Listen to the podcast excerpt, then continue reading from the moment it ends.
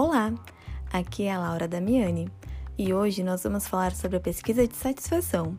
Como utilizar a opinião do consumidor a favor da sua marca e fidelizar cada vez mais os seus clientes. Nos tempos de hoje, em que tudo é compartilhado rapidamente nas redes sociais, um cliente insatisfeito pode fazer um grande estrago.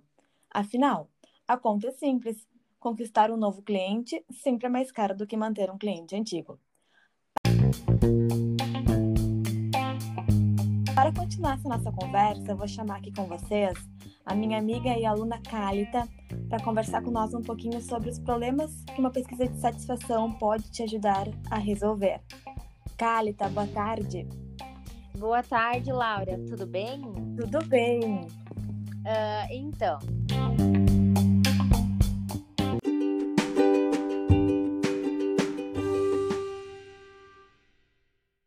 pesquisa de satisfação pode resolver, então, uh, é que ela esclarece as suas vendas. Então, como uh, a gente faz isso, né?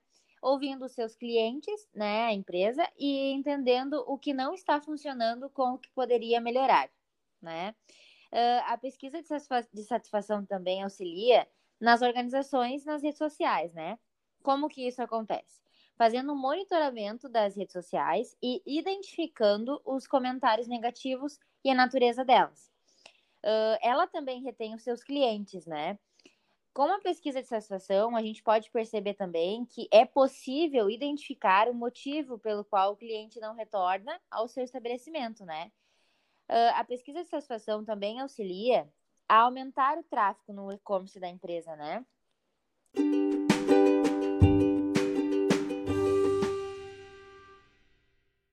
Agora eu vou explicar como a gente faz para fazer essa pesquisa de satisfação, né?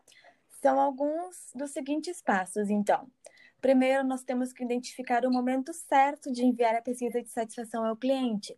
Se é durante a compra, se é no pós-compra.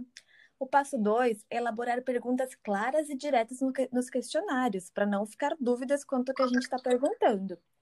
O passo 3 é criar um roteiro lógico para seguir o questionário, né? Agrupando as perguntas por identificação. E o passo 4, então, é testar o questionário. Se há alguma forma mais fácil de fazer a mesma pergunta, vale também ver se tem erros de português. Cálita, fala para nós então sobre os resultados. Uh, Laura, então assim, uh, os resultados, uh, a partir né, do resultado da pesquisa, é possível a gente obter diversos insights, né? Uh, ela também uh, vai te mostrar o que mais atrai no seu cliente e qual foi a percepção dele sobre a marca, né? Mas é importante também a gente analisar os dados e salientar os mais importantes, né? Agrupá-los por similaridade, né? Uh, e realizar também através de dados, ou seja, pela tabela do Excel, né? E a divulgação desses dados, como funciona então? É importante a gente ter uma boa argumentação para realizar o resultado da pesquisa, né?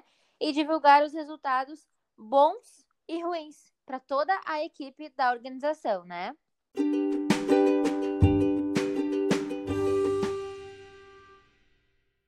Eu vou finalizar então falando sobre o Net Promoter Score, ou NSP, que é uma metodologia de pesquisa de satisfação criada lá em 2003 por Friend Walking. Então, a pesquisa ela se resume na seguinte pergunta: em uma escala de 0 a 10, o quanto você indicaria a nossa empresa para um amigo? E com base nessa nota, então, são classificados três grupos. São os promotores da marca, que são os clientes que dão entre nota 9 e 10. Os clientes neutros são os que dão uma nota de 7 e 8. E os detratores da marca são aqueles que dão abaixo de 7. E esse questionário ele é muito usado durante todo o mundo, né? A gente vê bastante ele. E com esse índice, então, é possível identificar como que a marca está sendo avaliada pelos seus clientes. Assim, nós podemos ver a importância que uma pesquisa de satisfação tem para sua empresa e sua marca se consolidar no mercado. Eu agradeço a participação no nosso podcast de hoje. Muito obrigada, é uma honra gravar com você. Muito obrigada. Meu prazer imenso também. Ah, que ótimo. Até mais, Caio. Beijo. Até mais. Beijo.